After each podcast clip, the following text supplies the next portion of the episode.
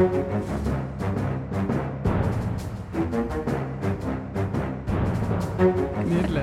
Det var så nydelig. Det var helt eh, Ja. Men uansett. Nok om det, Lars. Ja. Vi kan starte. Eh, ja, nei, men Så bra. Da er vi i gang med denne ukens eh, Aftenpodden. Eh, vi er på plass i Altså, eh, god dag, god dag, Trine Eilertsen. God dag, god dag, Sara Sørheim. Hei! Eh, jeg er Lars Glomnes. Vi sitter, bare for å ha sagt det, i et um, slags møterom. Et slags Arne-galleri. Ja.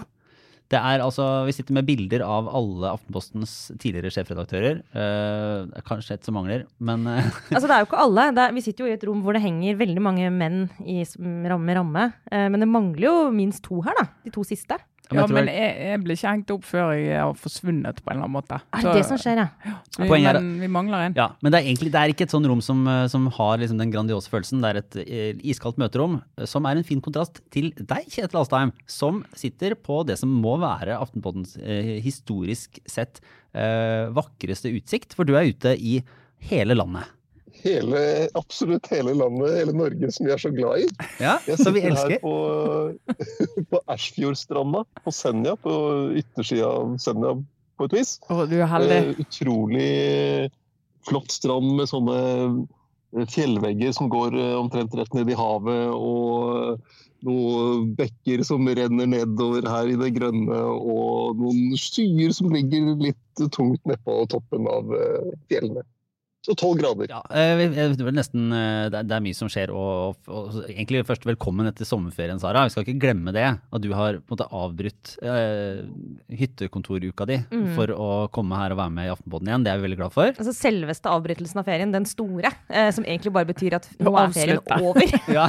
det er ikke bare vår eh, fortjeneste, akkurat den der. Men det er veldig fint å ha deg med, i hvert fall, etter at vi liksom starta så smått forrige uke. Takk. Eh, Men vi beveger oss vel eh, inn i valgkampen med, med, med ditt liksom, location her, eh, Kjetil. For du er på tur på god gammeldags valgkampturné. Jeg sitter her og venter på den, valg, den bussen som skal komme hit da med Jonas Gahr Støre og hele hans følge og pressekorpset. Etter at han eh, har vært og hatt eh, en sånn morgenaksjon på hurtigbåtkaia i Finnsnes. Og fortalt at han vil gi dem eh, bedre pendlerfradrag, så skal han komme hit til Ersfjordstranda. eh, legge fram en turistplan, satsing på reiseliv. Så skal han skifte til eh, en eller annen drakt, og så skal han Jeg tror han skal padle i kajakk eller på sånn superbrett, sånn som han står på, eller noe sånt. Så det, det er mulig jeg må avbryte når, når disse tingene begynner å skje. Men jeg får sånn fantomsmerter. Sånn, tenk om jeg var eh, sånn spinndoktor.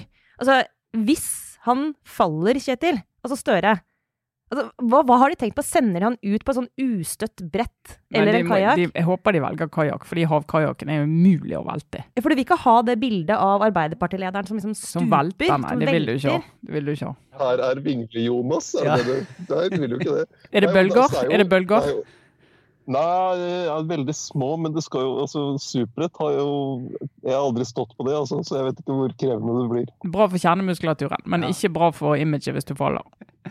Ja, men det vekker jo veldig mange. Vi må bare gå litt inn her. For det, det vekker mange, mange fine minner for, for de av oss som har vært ute og reist på sånn, nettopp sånne valgkampturneer. For det er en ganske spesiell øvelse som da kommer med jevne mellomrom. Um, der politikerne reiser rundt i landet, har et ganske sånn tett program med et sånn haleheng av eh, mer eller mindre livstrøtte journalister. Eh, fordi eh, det som du har drevet med nå, da, som er sånn vente på at politikere er ferdig med et eller annet eh, stå ute på gata et lite sted i Norge-prosessen, eh, det er, den, den, den skjer hele veien. Og det, det, hvordan, er, hvordan får du tida til å gå til? Det verste med dette yrket er all ventingen. Det, det, det går veldig fint. Han kom jo hit til eh, eh, kom til Finnsnes i går. Han har vært i Kirkenes først, og så var det tekniske problemer med, flyet han skulle dra med. og sånn. Så var det en sånn eh, gjeng med lokale Arbeiderpartifolk som da ventet på en sånn pubkveld, Arbeiderparti-pubkveld, og ventet på at han skulle komme. og Satt der tålmodig. eh, Til slutt så kommer han frem, da, og du vet, vært hele dagen på reise. Og litt sånn sliten og sulten og trøtt, og så skal du øh, holde en liten appell og svare på noen spørsmål og sånne ting. Det er, øh, og så kommer da pressekorpset og gjerne vil ha noen øl etterpå på Hugos pub, den lokale puben. Så det, er, det er et heftig løp de kjører, altså. Ja, dette, dette er ekstremsport, eh, rett og slett. Jeg tror eh, Uansett hva parti du eh, nå engasjerer deg i, så skal vi tenne et lys for våre politikere nå i valgkampen. Selv de toppolitikerne. Jeg tror ikke de har en time fri nå frem til valget. Men det jeg lurer på, det vet kanskje dere, eller kanskje har man målt det, altså, men virker det? Altså, det er jo så få mennesker tross alt som du klarer å møte på en sånn reise. Eh, så Arbeiderpartiet Kjersti Stenseng var ute nå og sa at denne uka vinner vi valgkampen og skal mm, smelle av liksom tre millioner på valgkampmateriell. Og jeg kan for så vidt forstå det med at gjennom massemediene kan du åpenbart nå mange folk. Men liksom, hvor mange rekker han å møte, Kjetil? Altså, liksom, flytter man noen velgere på en sånn tur? Det virker helt sånn Er det virkelig nødvendig? Det er gøy å gå på sånn superbrett, sikkert, altså, men liksom But why? Du, altså han, han, møter jo noen, og så møter han uh, en del på en måte gjennom mediedekningen. Og så treffer han jo mange partifeller som igjen skal uh, Det handler jo ganske mye om å mobilisere uh, partiorganisasjonen til å gjøre jobben. Mm. og det er jo Det at han treffer da de kandidatene som, nå, som er her for Arbeiderpartiet i Troms, treffer de ulike som skal ut og bli inspirert og orke å gå rundt med de rosene og dørbank osv. Det er også en viktig side av det. Og så, så Bare det der med å treffe lokale medier. Det husker jeg var en veldig, veldig uttalt strategi for uh, Høyre i 2013. Sant? Du snakker med Sigbjørn Aanes, som var uh, Erna Solbergs spinndoktor på den tiden. der. Den effekten av å reise rundt og konsentrere seg om lokalmediene rundt i Norge og få oppslag der uh, partitoppen sammen med lokale krefter. Utrolig viktig for dem. Uh, og det, det, er viktig å komme nasjonalt, men det å helt sånn, gjøre det fotarbeidet. Ja, for det er, jo, det er jo ganske lang vei vanligvis da, til uh, forsida av Aftenposten, eller uh, VG for en saks skyld, på en sånn tur for, for Støre. I hvert fall på, liksom, på det han gjør og, og, faktisk sier og vil ha ut av politikk. Hvis han ikke men, tryner på superbrettet. Men det er, jo, det er, jo, ganske mye kortere vei til uh, forsiden av lokalaviser. og på en måte den, så, så, det tror jeg jo er det de mener. Og så mistenker jo jeg litt at, at valgkampen av og til er litt sånn vi må gjøre noe. Ja. Altså, hva, hva skal ta Det føles så feil å bare sitte stille. Ja, ja, ja det sånn, det er, og det er jo folk som alltid har lyst til å møte en partileder eh, i partiet. Så hvis du er sånn Den negative effekten av å, av å sitte var det, Lars Bonheim fikk kjeft for det da han røyk ut av valget av uh, Stortinget i, i, 2009. var vel at han hadde liksom brukt mer tid i i stortingsrestauranten enn hjemme i, I Hordaland. Og det var vel sant? Ja, det, det, det, var nok sant. Og så er det jo, tenker jeg, Hvis du er partileder, så er en viktig kvalifikasjon det er at du faktisk liker å møte folk. Du liker å møte velgere, og du liker å møte folk som jobber i partiapparatet. Jeg kunne, jeg kunne jo ikke vært partileder i fem minutter. altså selv jeg sliter ganske heftig. Etter to-tre dager i Arendal under Arendalsuka så pleier jeg å få sånn akutt trang for å sitte i et mørkt rom helt alene i en ukes tid. Så, jeg får jo det etter ca. to timer, så kan du tenke deg. Det løser seg sannsynligvis Marendalsuka neste uke. Det blir sikkert sånn Delta super spreader event, så alle må sitte i en mørk karantenerom i fem dager etterpå. Men, men eh, altså det som er ekstra viktig for Støre med denne turen i Nord-Norge, er jo det at Arbeiderpartiet må prøve å, å gjenvinne eh, landsdelen etter at Senterpartiet har stjålet eh, mange av velgerne deres. Og dette er jo tradisjonelt eh, en landsdel der Arbeiderpartiet har stått veldig sterkt, og de Uh, og Det var sårt for partiet at de gikk på en så kraftig smell her for fire år siden. Og Det blir sånn ekstra sårt for Støre, som har vært så opptatt av nordområdene så lenge. Mm. Uh, Bl.a. som utenriksminister, da han fikk på plass denne delelinjen med, med Russland osv. Dette er jo noe han, et område han har snakket mye om, og så greide han å tape landsdelen. Så det å kjempe det er kjempeviktig for Arbeiderpartiet hvordan det går her oppe eh, for dem nå i september. Men hvis jeg skal bare, Det er jo kanskje en, eh, en, litt, en litt, enkel analyse, da, men, men spørsmålet er har, har, Arbeiderpartiet tapt, eller har Senterpartiet vunnet da, eh, Nord-Norge på det som kan, kalles liksom, klisjémessig eh, frustrasjonen med å være lengst unna sentrum? Altså ved, med å, på en måte, ved at de bare er langt nord og føler seg litt oversett, og kanskje er det. Eh, på, liksom, på nordnorske mindreverdighetskomplekser? Eller har de vunnet det på konkrete saker der Arbeiderpartiet har svikta? Altså jeg opplever, oppfatter som den, eh, bl.a. fra lokalvalgkampen for to år siden, at det ikke handler om um, uh, altså Du har tidligere hatt en del sånn opprør i nord om, som er mer sånn 'kom og hjelp oss'-opprør. Men at det det handler om nå, er mer et krav om vi vil ha vår rett. Vi, her skjer det ting. Her er det uh, stor utvikling i reiselivet, i sjømatnæringen. Men uh, nå må vi få orden på disse veiene som uh, laksetrailerne kjører på, som er Altså Du får som sånn lettskremt østlending og kjøre rundt på en del av veiene her ute på Senja. Det, selv sommerstid er det skummelt for noen av oss, men der kjører jo disse svære lassene med fisk eh, hele året. Sånn at eh, det er mer sånn vi krever vår rettmessige plassholdning. Så det er litt annen enn enn en del, noen av de tidligere opprørene fra, fra nord. Da. Men hvorfor stoler dere ikke på at Arbeiderpartiet kan, kan levere det? Jeg, tror de har altså, det, er litt sånn hele Arbeiderpartiets situasjon gjennom hvordan de måtte bruke masse tid på metoo-saker og sånne ting. Og det at de ble mindre altså de, de var med på en del eh, de var jo med på en del forlik med regjeringspartiene, sånn at de ble mer uklare da, i hva de mener, mener om uh, f.eks. høyskole, universitetsstruktur. Mens Senterpartiet har dyrket en mer sånn knallhard, enkel retorikk om at de er uh, imot sentralisering og har kommet mer i en sånn ren angrepsposisjon mot regjeringens politikk. Ja, og forsvar har det jo vært òg Senterpartiet mer sånn helt de tydeligste motstanderne av forsvarsforliket og eh, regjeringens politikk, mens Arbeiderpartiet har vært liksom med på noe. Og med en gang du er liksom med på noe og mot noe, så fremstår du uklar for mange. Og så har jo eh, altså Senterpartiet er jo blitt liksom oppsamlingssekken for alle typer problemstillinger og misnøye. Det handler om eh, sykehusstruktur, det handler om høyskole, det handler om alt. Og de har jo et svar på alt, de skal løse alt det.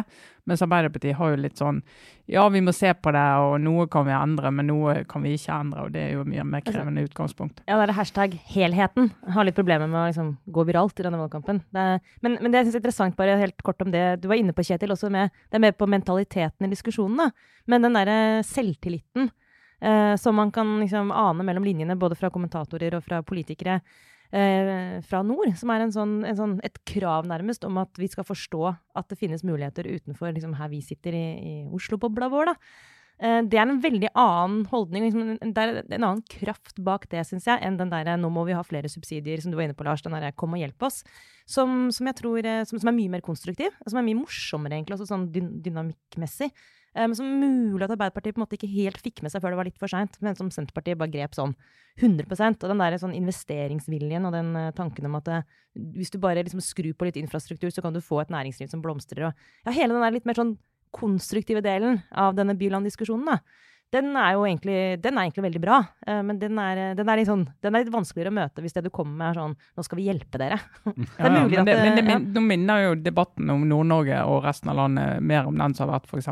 Vestlandet og resten ja. av landet, som jeg åpenbart kjenner godt. Sånn, så sitter på Vestlandet i urten og skapt verdier. Skapt verdier. Uh, men da, da, handler det jo litt om at altså, vi trenger ikke hjelp til å drive med næringslivet til å liksom skjønne at uh, oljen må opp og den må transporteres og fisken skal og alt dette her. Industri og høyskoler og universiteter og alt det. Men vi liksom vi vil bare ha rammebetingelser og infrastruktur, og, og, dere må se det, og ikke bare se Østlandet. Mm. liksom har vært en sånn, og Nå er jo den debatten om Nord-Norge ligner jo egentlig veldig på den, og da blir det jo en mer, mer interessant debatt. Mm. Jeg lurer på om vi, eh, For at vi skal rekke en eh, liten runde på det som må sies å være ukas eh, store sak, både nasjonalt og internasjonalt, egentlig, så før du må løpe av gårde og ta på deg våtdrakta og følge etter Jonas Gahr Støre ut på standup-padelen, Kjetil? Kan jeg smette inn med et godt, men ubekreftet rykte der? Veldig gjerne. Ja, Eh, fordi Støre skal jo da ut her i, i, vannet, og så oppdaget de da de var i Kirkenes at han kanskje kunne trengt en badebukse under denne drakta som han skal på. Så da gikk de ut på shopping i Kirkenes for å finne badebukse. Og det, det var ikke badebukser som hang fremst i butikkene i Kirkenes i starten av august. Det er sånne ting som må, må løses når man er på valgkampturné. En bare må ta med da, eh, som et annet liksom, fun fact. Fordi var det da, altså Er det Hugos eh, bar som vi kan slenge inn en liten uh, potensiell anbefaling for. Vet ikke, jeg har ikke vært der. Men er det der, er det det som på en måte er uh, puben til Line Miriam Sandberg, tidligere Frp-statssekretær, og uh, ekskone til Per Sandberg, eller er det en annen pub? Ja, Hugos pub er en annen pub. Men det er sikkert Hugo sin. Line Miriam Sandberg driver en kaffebar der Arbeiderpartiet hadde sitt, sin valgpub i går kveld. Veldig hyggelig sted og god mat og i det hele tatt god stemning. Det er, godt, det er godt å se at det skjer. Det blomstrer i næringslivet i, i tidligere Frp-familier. Men uh, vi må jo videre da til, til uh, egentlig større, større saker. Uh, Den store saken, vel? Den store saken, må, Ja. det må jo sies. Eh, fordi det var jo da FNs store klimarapport. første på, av denne typen på seks år, var det det, Kjetil? Eh, ja, seks eller sju år. Ja. eh, Som slo fast eh, det vel alle egentlig har mistenkt, men at dette går ikke riktig vei. Det, Code red. ja. Ja. Kode rød, klar beskjed om at nå må det tas grep. Vi er vel ikke i stand til å holde oss under en temperaturvekst på mindre enn halvannen grad. Blir dette riktig? Um, Det er Ja, fortsatt altså, det, det, man kommer til å De har ulike scenarioer. Det er det, der, verden går så vidt over 1,5 grad, men kan komme seg ned igjen til 1,5 grad. Hvis man greier å suge masse CO2 ut av atmosfæren ved hjelp av treplanting og fancy ny teknologi. Så det, det er det da mest optimistiske scenarioet. Nettopp, ja, for det var- det positive. Okay. det var det. Ja. det, var, det, det var, så ja, så det, i det hele tatt, det var jo da en, en klar melding egentlig om at eh, her må det eh, her må det tiltak til, her må det gjøres. Og, du, Kjetil, har jo da skrevet og, eh, kommentaren som jeg kanskje noe eh, latterliggjørende omtalte her i forkant av podkasten. Altså, hver, hver valgkamp så er det minst én kommentator som tar på seg ansvaret om å skrive den. Eh, denne gang er det én sak som er viktigst, og det er eh, alltid klima. og det, Jeg har ikke gjort researchen, men jeg tipper at du finner eh, noe lignende fra slutten av 80-tallet. Eh, og så lurer jeg på da, om det er noen Det som var, til det var mye klima i valgkampen i 1989. Ja, det- da, var, da var det som no- norgesmesterskap i klimaløfter, og Senterpartiet vant til slutt. Det, det kommer de ikke til å gjøre i år. Nei, ikke sant? Men eh, så, så, så jeg bare lurer på eh, med hvilken, på måte, med hvilken forhåpning om, om endring, eller hva, hva, hva måte, ville du når, når du skriver en kommentar som også løfter fram det at dette er saken som, som måte burde eller skal dominere, og som er den viktigste politikerne bør forholde seg til? Ja, hvis du ser på hva som eh, eh, kommer til å dominere veldig mye av dagsorden i de neste fire årene, så kommer klimaet til å komme inn på, på veldig mange felt. Da. Det ene er at Norge skal trappe ned egne utslipp.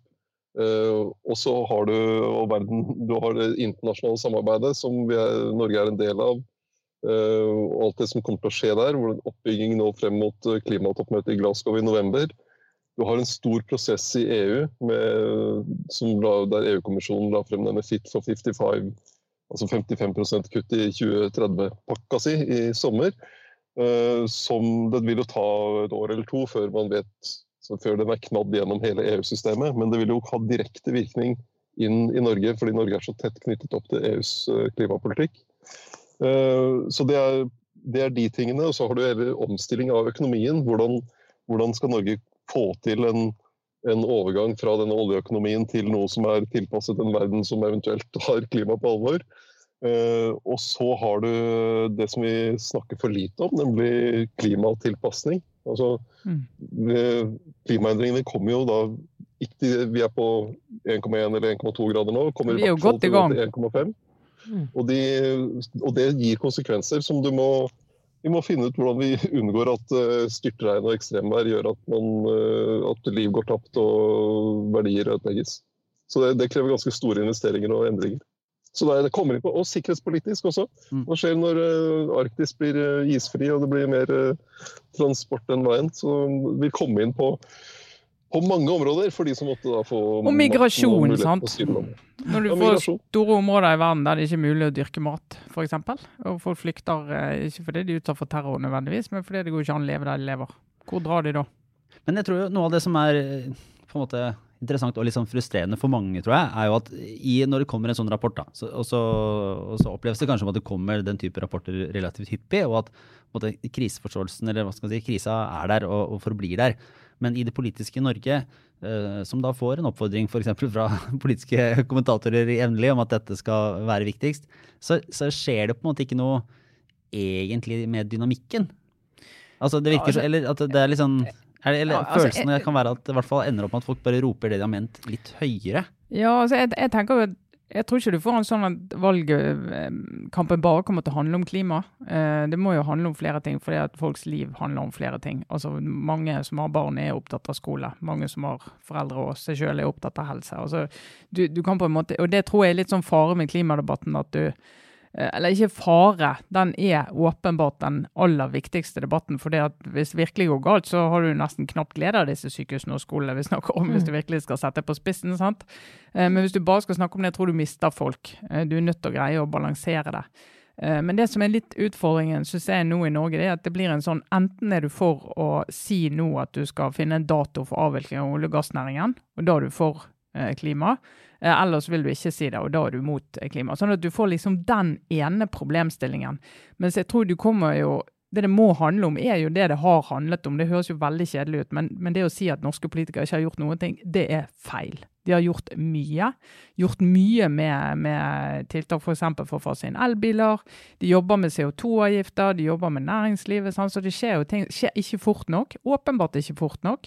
Og så må vi snakke om hvordan du skal gjøre det. Men hvis det bare handler om kan du sette en dato for avvikling av olje og gass, eller kan du ikke, så tror du liksom det er så mange andre viktige debatter som forsvinner. da. Og det er jo kanskje spot on på det som gjør det vanskelig, den koblingen mellom klimakrisa og den norske valgkampen.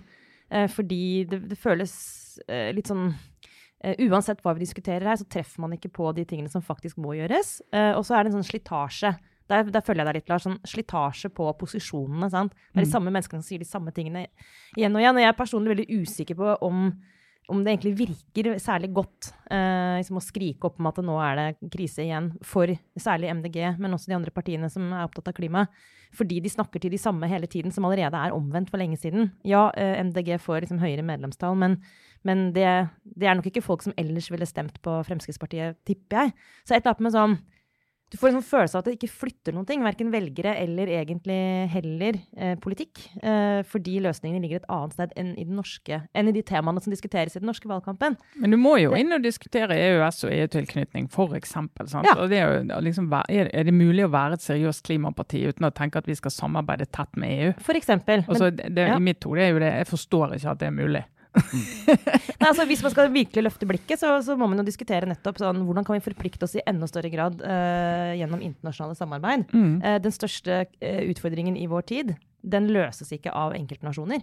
Så egentlig, hvis vi virkelig skulle på en måte tatt den diskusjonen, så er det sånn ja, vet du, vi, må bare, vi må bare innføre et overnasjonalt uh, en eller annen institusjon som bare tar avgjørelser på vegne av hele så blir det sånn, verden. Det blir sånn klimafascist, sånn Extinction Rebellion, politikerne ja, ja. ja, og det tror jeg, det er, helt, det er helt livsfarlig, sant? hvis du går inn i det der helt udemokratiske. Men si da, si da at vi fikk en regjering som sier nei, vet du hva, nå sier vi at vi kutter ut olje og gass 1.1.2030, eh, og vi slutter å lete så snart som mulig. Vi skal ikke lete etter nye ting. Uh, og så sier du ja, OK, så gjør vi det. Vi gjør det. Men hvis du ikke da har en samarbeid og en dialog og en allianse, forpliktende samarbeid med andre land internasjonalt, så betyr det jo ingenting. Mm. Så, så, liksom alt det der henger jo sammen. Og liksom gå inn og se ja, men hva skal vi gjøre i Norge? Og hvordan skal vi snakke med de andre landene om det vi gjør for å få flere til å gjøre ting som vi syns er lurt? Altså det, Kjetil, du, du, dette er ditt uh, spesialfelt. Løs det. Ja, Kom igjen. Altså, problemet, med, problemet, med, den debatten om uh, norsk uh, oljevirksomhet er at den, uh, den, e, den, handler egentlig om to ting. Det ene er vil det ha noen effekt på globale utslipp om Norge slutter å lete eller slutter å utvinne. Mm. og det andre er hvordan håndterer vi norsk økonomi og omstillingen? Hva betyr, hva betyr det for en oljeavhengig økonomi dersom verden innføre strammere klimatiltak. Uh, og, og, det er jo en, det er også en komplisert debatt, men det er ganske viktig for, for Norge å håndtere den overgangen. Da. Mm. Hva er fasit på spørsmål én da, Kjetil?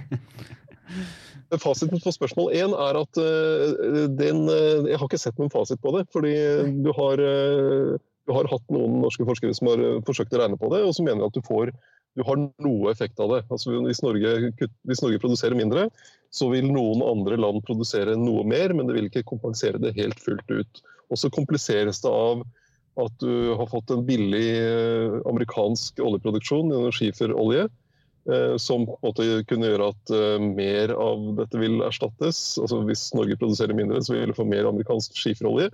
Men så har, samtidig, har du samtidig hatt en utvikling der fornybar energi er blitt mye billigere. Mm. Som uh, igjen gjør det lettere at uh, mindre norsk olje og gass erstattes av mer fornybar. Så det er, det er jo ekstremt interessant, spennende og sammensatt og komplisert og viktig for norsk økonomi. Mm. Men tror du eh, Kjetil, eller noen av dere andre, at det er noen partier som får en sånn direkte gevinst av den? Altså, for jeg tror, jeg tror jo at eh, Ok, nå baserer jeg det på et premiss da, om at, at, at, for hver sånn rapport så øker forståelsen litt. Og jeg ser i hvert fall det i, i, i mine måte, sosiale kanaler, at, det, er, det, gir ordentlig bekymring og, og, det gir ordentlig frykt. Og, og, det er en helt sånn reell problemstilling. Og, og, jeg antar at når både nå lederen for Det internasjonale energibyrået og eh, FNs generalsekretær sier sånn vi må slutte å utvinne ny fossil eh, liksom, energi, så, så er jo det en ganske klar melding men gir, gir det seg utslag i oppslutningen ved et f.eks. nært forestående stortingsvalg? Det gjør jo at du for de partiene som uh, det, vi kaller miljøpartiene, Miljøpartiet De Grønne og SV og Venstre særlig, så får jo de sin hovedsak høyere opp på dagsordenen i debatten. Det er viktig for dem. Uh, og så får du jo den Eh, effekten av eh, Også Fremskrittspartiet kan mobilisere på det her. fordi mm. de, de, kan kjøre får, de får en konfrontasjon med MDG bl.a. i Dagsnytt 18. altså de, Du mm. får ytterpunktene. Eh, litt som vi så i bompengedebatten for to år siden. At du får ytterpunkter som, som har glede av hverandre. MDG, som, eh, og eh, det FNB, altså Folkeaksjonen Nei til mer bompenger, som ved at de kunne være kjempeuenige og krangle i offentligheten, så tjener begge de, de sidene på det. Så det kan ha noen sånne effekter av det. Og så er det spennende om eh, Senterpartiet klarer seg et valg til. Denne gangen ser det ut som de klarer å treffe på andre saker, og egentlig, egentlig ganske overraskende være liksom vinneren, de som traff best på stemningen og ha en så lite tydelig miljøpolitikk. Eh, det er interessant bare å huske på hvordan du var inne på det, Kjetil, hvordan de liksom har vært et parti som har vært, liksom, hatt det som en veldig viktig sak, og vært forbundet med liksom, det grønne. Men, eh, men, men jeg, jeg, håper egentlig at det er siste valgkampen hvor du kan være liksom, vinneren på å ta stemningen uten at den saken du vinner på, er klima. Men det er jo egentlig litt akkurat ja. Må huske at Marit Arnstad en gang i tiden var olje- og energiministeren som gikk av fordi det var flertall for å bygge gasskraftverk i Norge. Tenk det. og det ville hun ikke ha noe av. Ja. Tenk det, det er helt sprøtt. Ja. Så, så, er jo, altså Senterpartiet har jo en, altså en posisjon i den klimadiskusjonen, bl.a. fordi at de eh, ikke vil ha høyere avgifter på, eh, på drivstoff. Eh, ja, det var egentlig veien videre nå. For det, er jo, det regnes jo som måtte, Vi har skrevet en del om det, og vi har snakka om det også før. At eh, liksom, grunnplanken i regjeringens planer, og, og, det er jo støtte fra opposisjonen også der, er jo en kraftig økning i CO2-avgifta. Og så har du på, på venstresida, eller hva skal man si, på ikke-borgerlig side, eh, så har du Senterpartiet som har uttrykt skepsis mot, dette her. Og på, på regjeringssida, altså på borgerlig side, så har du Fremskrittspartiet som har sagt nei. Eh, er, er, det en forskjell i de to partienes nei, eller er det sånn at Altså, er det, er det, er, kan det faktisk stoppe opp på den motstanden, når det, når det, virker som at alle andre mener at det er fornuftig? Du som må svare, Kjetil. altså, det er jo en uh, det er jo en forskjell, fordi Fremskrittspartiet har jo fortsatt, driver jo fortsatt og, og pleier et velgersegment som ikke aksepterer at det er menneskeskapte klimaendringer. Mm. Uh, det, det, det, var jo rapporten veldig tydelig på nok en gang, å forsterke det. sant? Det, så det, det, er en, det, er en, forskjell. Men samtidig så har jo, hvis du ser på hva Fremskrittspartiet har vært med på da, i disse åtte årene, så er det å, å vedta De har stemt for Parisavtalen. Uh, og stemt for de norske klimamålene. De har stemt uh, for det, å koble Norge enda tettere opp mot EU med tanke på klima, altså klimakutt frem mot 2030, som gir en forpliktende nedtrapping år for år frem mot 2030. Det er de strengeste klimamålene Norge har hatt noen gang, som da Fremskrittspartiet har stemt for. Så de møter seg selv litt her, da. I, i, nå, nå, kjører de, Og de har stemt for eh, å skjerpe klimamålene for eh, oljesektoren. Som bl.a. vil bety at du må elektrifisere sokkelen. Eh, som Fremskrittspartiet nå driver valgkamp imot. Men akkurat for Fremskrittspartiet tror ikke jeg at det er et problem. Fordi de kan jo bare si at vi satt i regjering med masse galninger, så vi måtte jo gå med på noe for å få gjennomført vår politikk. Og nå, eh, nå er vi ute av regjering, så nå er vi tilbake til primærpolitikken. Og vi forholder oss ikke til eh, avtalen og plattformen som vi har lagt bak oss. Kjør valgkamp. Det som er likt for de to partiene, er at de, de, de, det de driver eh, valgkamp på når det gjelder klima, er at, å argumentere imot andres forslag om klimatiltak. Det er veldig sånn, den, det handler lite om hva de selv vil gjøre. Bortsett fra at uh, Fremskrittspartiet skal øh, tvinge Kina til å gjøre et eller annet. Jeg vet ikke helt hvordan de har tenkt å Det, gjennomføre det er veldig lett å tvinge Kina til å gjøre ting. Det har vist seg Det i mange år. de gjør stadig ting de absolutt ikke har lyst til. Altså, de, har jo, de, har jo, de har jo helt rett i at øh, hvis Kina ikke gjør mye mer enn de gjør nå, så, så går jo ikke dette. Ja, og- og da- Eh, Kina må gjøre masse, men det betyr jo ikke at Norge ikke skal gjøre noe.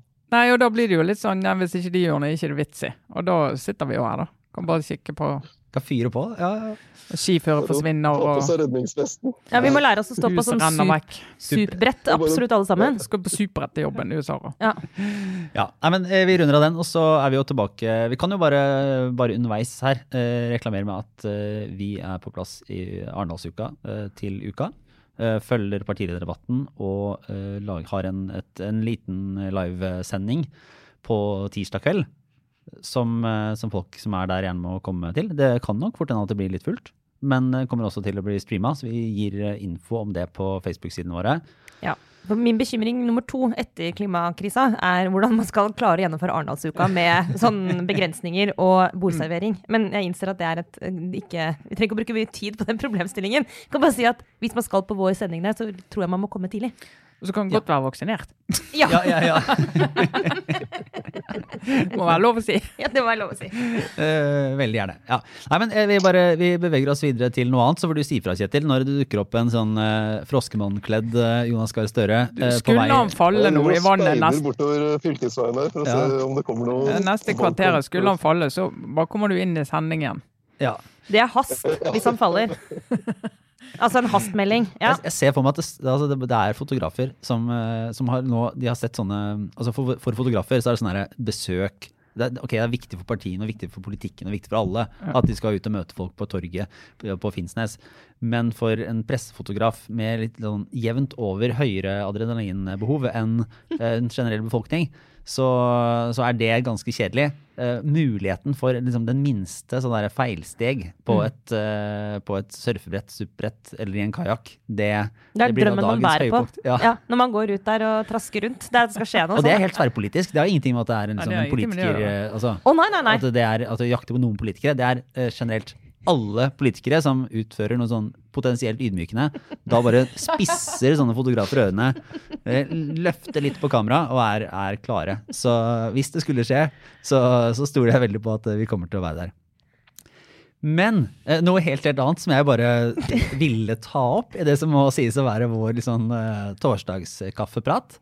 Nå har vi jo vært lenge fra hverandre gjennom en, gjennom en ferie.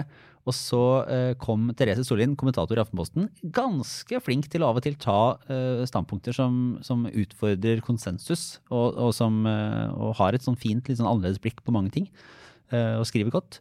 Hun skrev en kommentar denne uka som jeg bare sånn begynte å undre på, og veldig lurte på hva dere tenkte om. fordi hun var da bekymra for egentlig den lange sommerferien.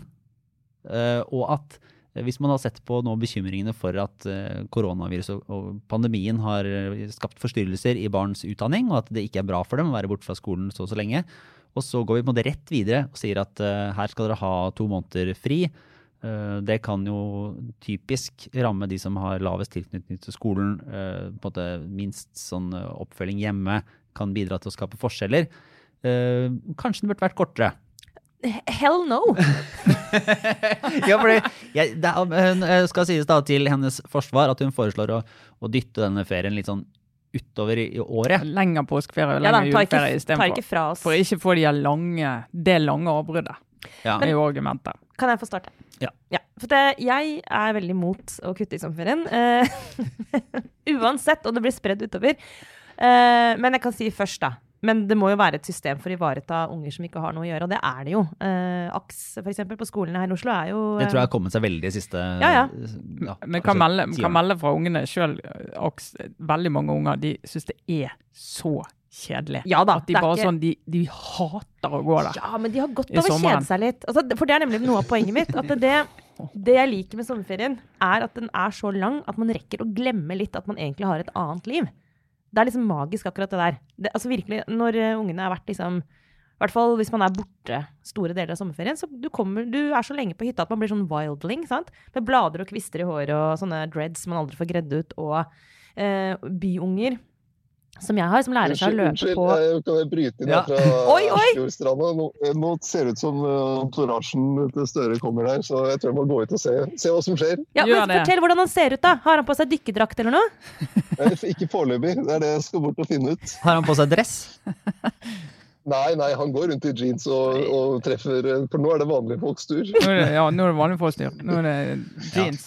Nei, men Det er helt eh, strålende, Kjetil. Tusen takk for at du er ute og er i, i hele Norge. Eh, landet vi er så glad i. Det setter vi pris på.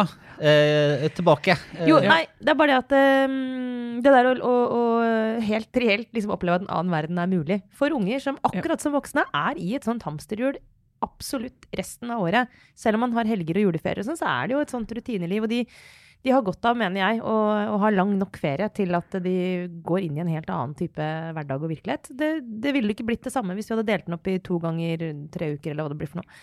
Så det, det bare kjenner jeg sånn intuitivt, så tror jeg er feiltenk, forutsatt at man har et system for å plukke opp folk eh, som trenger det. Ja, og der eh, jeg er nok eh, litt mer eh, sympatisk til Thereses logikk. Den er litt mer fan av ham hamsterhjulet. Ja. Nei, nei, det er virkelig ikke, altså. Men, men for de aller fleste familier, hvis du, har, hvis du klarer å ta ut fire uker sammenhengende ferie for en voksen, så er det veldig, det er litt luksus uh, å kunne gjøre det. Eh, fire uker ferie er ganske greit. Og så husker jo jeg, uh, når jeg var liten, jeg tenkte litt på det, for da hadde jo de tre uker ferie, mine foreldre. Og vi hadde jo åtte uker sommerferie den gangen. Så hva var det vi gjorde, liksom? Og, da, og, det, og vi bodde jo litt sånn uh, utenfor byen og surret litt uh, rundt med andre unger. sant? Uh, alle var jo der. Det var noen som hadde sånne hytter, og sånne besteforeldre som kunne ta vare på det hele sommeren og sånn. Det var jo veldig eksotisk. De fleste av oss hadde jo ikke det. Eh, Så vi gikk nå rundt eh, mye og slang, og det var veldig spennende. Og bygde hytter, og det var båter, og det var ditt og det var datt. Eh, Noen unger har jo det. Mm. Eh, Hvis du bor i Oslo sentrum eller i Bergen sentrum eller hvor det er, eh, kanskje en familie med få ressurser, hytte, kan du, du kjenner det kunne omtale. Besteforeldrene dine bor kanskje i et helt annet land. eh, Eller i hvert fall og i en helt annen landsdel. Du har ingen egentlig som kan ta vare på deg. Så kan du si ja, men du kan jo være på skole, og være på SFO og være på AKS. Det vil jo da bli gjerne i fire uker. I Oslo har du, og det ligner for de yngste, ligner det veldig på skole. Eh, De skal det samme stedet, de går hele resten av året. Eh, Men det er et mye mindre tilbud, mye mindre aktiviteter. Og For mange av de ungene så er de veldig klar over at andre unger som driver med helt andre ting og gjør mye gøye ting. Og det ser jeg i hvert fall her i Oslo nå. Eh, De har sommerskoletilbud kanskje en uke, det er, veldig mange får ikke det engang. For det er ikke nok plasser. Og da har du en gjeng med ressurssterke foreldre som kan kjøpe ungene inn på sånne kurs. Seiling, friluftsliv, eh, fotballskoler. De er ikke sånn veldig dyre, men det er noen tusen. Mm. Det er noen tusen. Har du to-tre barn, så blir det fort. Det kan bli både 10 15 og 20 000 her på en sommer. eh, For å eh, liksom ha, ha et sted å, ha de, da, som ikke er eh, SFO eller er alle, mange av de andre ungene gjør jo det. Men det er jo de som har råd, de kan kjøpe alle disse her kule kursene. De som ikke har det, de kan ikke gjøre det. Og så legger du oppå det legger du at du bruker to måneder der du ikke har lese- og regnetrening i det hele tatt. Noen veldig bevisste foreldre sørger sikkert for å få det òg, mens noen gjør jo ikke det, og kan ikke det. Sånn at, at du kan komme i august og ha unger som har hatt en ekstrem ulik sommer. Sant? Det vil du jo alltid ha. og Det er ikke sikkert det om du har seks uker sommerferie at det vil endre på det, men det kan dempe litt grann Mm. på det. Eh, Så, så, jeg, ikke, så jeg, jeg tror det er vanskelig å få gjennomført det, men jeg ser det gode argumenter for å tenke litt at den Altså Under pandemien, så etter det var gått seks uker og vi hadde stengt ned skole, så var vi utrolig bekymret for alle de ungene som trenger skolen som et Mm. sted å være og ha kontakt med andre voksne. Bli sett, bli litt passet på. Mens åtte uker, det er ikke noe problem hvert år.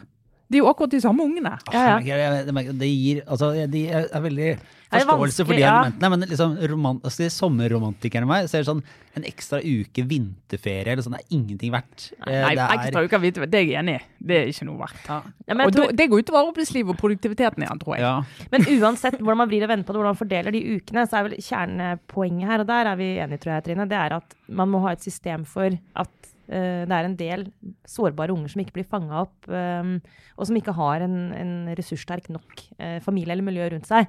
Sånn at de trenger å ha et tilbud fra liksom, velferdsstaten også utenfor de timene de er på skolen. Det tror jeg liksom Og det, det, kan det håper jeg faktisk et eh, Kan være noe vi har liksom tatt med oss fra dette helt uendelig lange koronaåret. At man liksom har sett enda grellere hvilke utslag det får. Men så får man diskutere hvordan er den beste løsningen, da. Mm. Der, det er, det er, her, av og til så møter man måte, sine egne privilegier. Ja. Altså, er sånn, altså, sånn, det enorme privilegiet. Ja, hvorfor har ikke jeg liksom, tenkt så mye på det? Jo, fordi jeg hadde selvfølgelig altså, jeg har en far som jobber på barneskole, så han hadde jo den lange ferien. Ja, Ja, samme her, ikke sant. Mamma var barnelærer. Så var det, sånn, det, er, den, det er en helt sånn eh, helt eh, uvirkelig tanke, egentlig. Bare det å ha sånn tre uker. Ja, det var jo mye som går rundt, men det var jo alltid noen hjemme. Ja. Ja, nei, det var, vi, det var mye surre rundt, altså. Ja. Takk og lov at det ikke var, det var ikke kriminaliteten, men uh, Nei, det, der, men arbeidslivet som tok der. ikke var, nå høres jo helt dinosaur ut, vi var jo ikke TV eller iPad, sant? så vi var jo da tross alt ute. Men for mange av de, eh, og ofte den gangen, fikk du ikke lov å være inne. Det var bare sånn, nei, bare ute. Ja, men det regner jo. Ja, stå på regnjakke da. jeg tror vi går videre til en kjapp liten runde med obligatorisk refleksjon. Ja, for En bra ting for de voksne da, med den der Ja. uendelig lange ferien, er jo at eh, når jeg kommer tilbake fra ferie, så er, er det, det er de to- to-tre uker etter ferien hvor jeg faktisk med hånda på hjertet kan si sånn Jeg er en ganske belest person. Mm, Og så slutter jeg å være det igjen de neste ti månedene. sant? Som er mer sånn kan jeg kan, kan si ganske mye om hva som er på Facebook. Ja. Men akkurat om sommeren når man får lest, så nå har jeg egentlig masse jeg skal ha lyst til å anbefale. Men jeg skal bare ta én kort ting, Lars, eh, som min Ja. HR. En anbefaling, fordi eh, pandemien er jo kanskje snart ferdig sånn som en hendelse. Får vi for guds skyld håpe.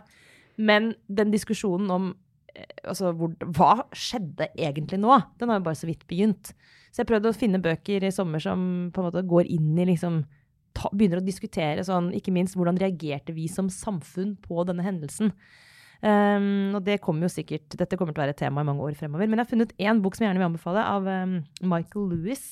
Som skrev Husker dere Moneyball? Ja, for det jeg skulle si, Akan, Ja. ja. er nettopp den som ble en, eh, ble en eh, både veldig, veldig god bok og en kul film. Ja, og han har også skrevet... Altså som handler om uh, baseball, ikke sant? Den handler om Altså, baseball. Som er en liksom vitenskapelig tilnærming til sport. Og det er Yes. liksom vitenskapelig tilnærming til Ja, så han er amerikansk journalist som går Ja. inn i sånne altså, i samfunns samtidsfenomener. Han har også Mm. skrevet The Big Short om Igjen. finanskrisa. eh, fantastisk eh, film Fantastisk. og veldig, veldig god bok. Ja.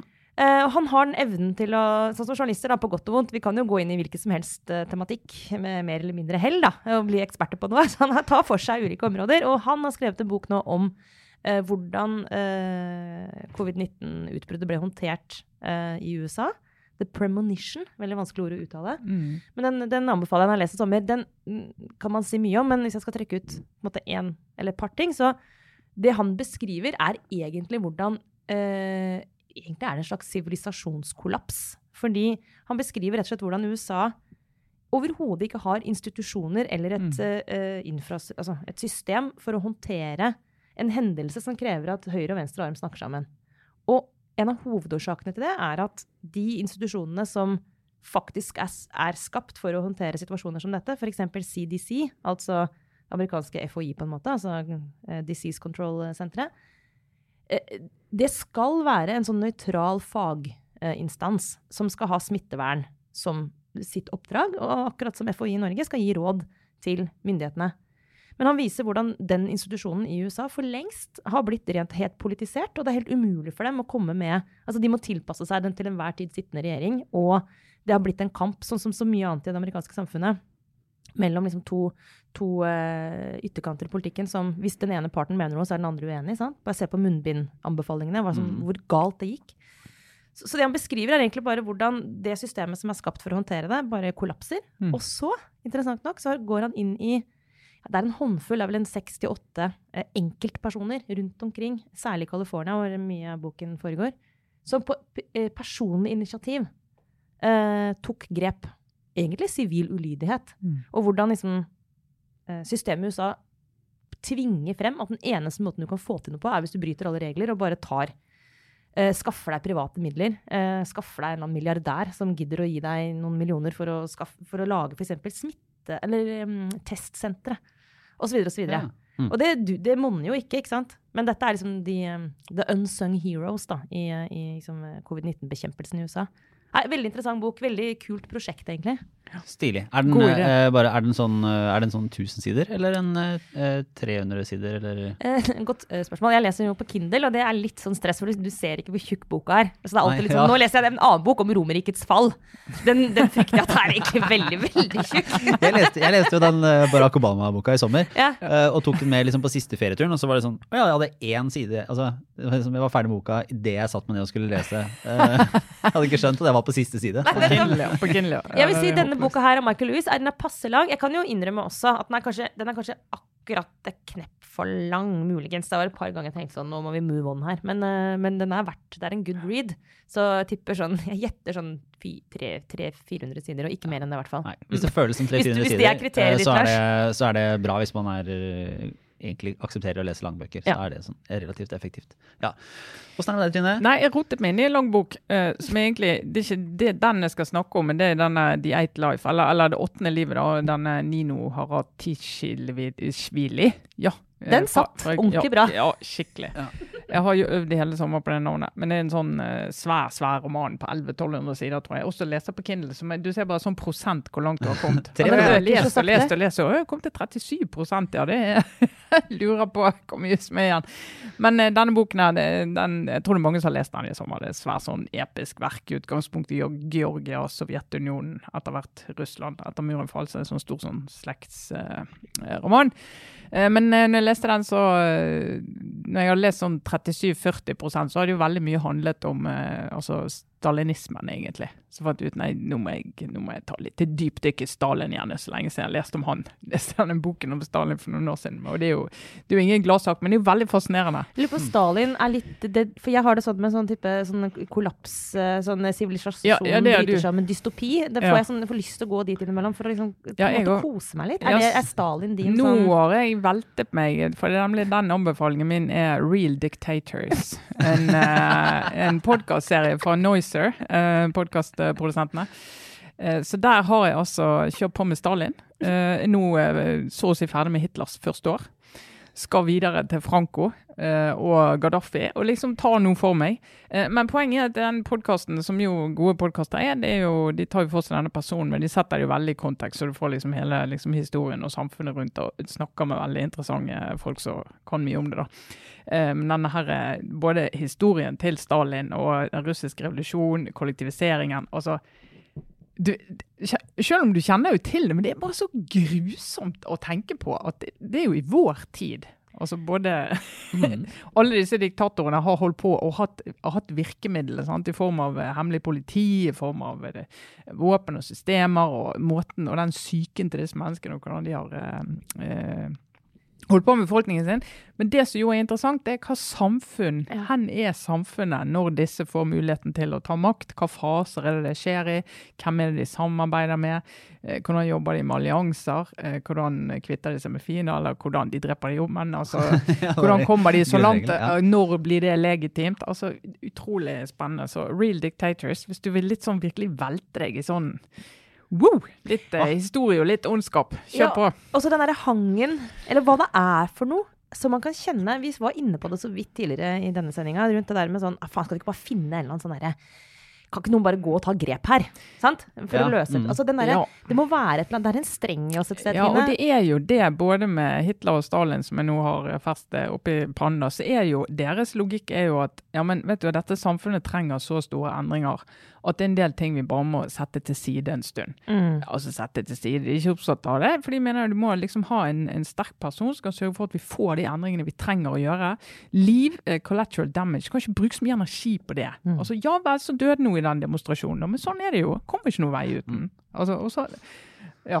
Ah, nei, men, eh, ja, jeg vet ikke om grunntonen her var så veldig optimistisk. I, i, i, i Vi er i gang, det sommeren. Vi er i gang, så nå la oss snakke om Stalin. Ja, ja, ja. Eh, Jeg har eh, egentlig bare en anbefaling som jeg kan, eh, kan gi kort. Som er i helt andre enden av måte, Hvis du tenker at du har storpolitikken og liksom kjempestore pandemier her oppe, så har du denne nye podkastserien fra Aftenposten veldig her altså nede. Og det er i beste forstand, da, men, men tett på. Den heter Folk. Eh, Og det ligger to episoder ute nå, eh, der du måtte høre det. Den er eh, veldig god. Fine, interessante, enkle historier. Menneskemøter, Korte menneske- er det? Altså, Mm. men det er ikke et menneskemøte, det er egentlig fortalt i første person. Så det er én person som forteller en historie om sitt liv i ca. 15 minutter. Så det er ikke noe sånn for mange episoder. Eh, veldig interessant og bra, så jeg anbefaler alle å høre på den. Det kommer en liten, uh, en liten promo på den i etterkant av dagens uh, podkast her. Så du kan høre og tenke om du liker det, men jeg anbefaler den i hvert fall. Det er eh, interessant. Og hvis noen har gode historier som måtte, bør inn i den konseptet, så vurderer vi å lage flere. Uh, og da kan man også ta kontakt eh, på f- folk at aftenposten.no og, og sende inn og, og tipse hvis det var noen som skulle tenke at oi, her sitter jeg med en liten, liten eh, gullbit som kunne, kunne egne seg, eller en historie å fortelle.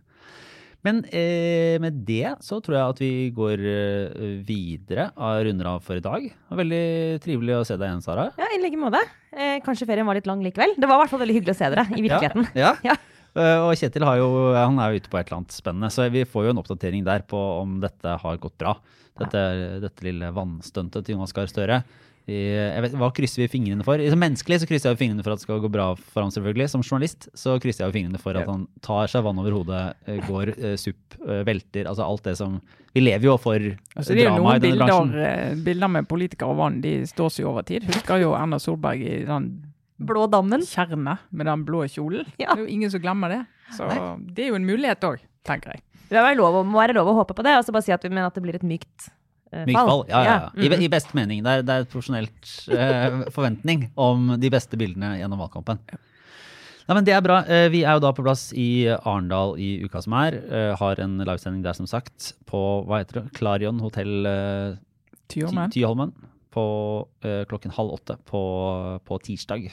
Og ellers så er vi i omløp der. Så så lenge avstandsregler holdes og Bare ikke ta på oss. Nei, ja, ikke sant? Ja. Det, det må ikke gjøre det. Ja, så, så er det veldig hyggelig å hilse på de som måtte, måtte si hei. Det er virkelig en generell regel.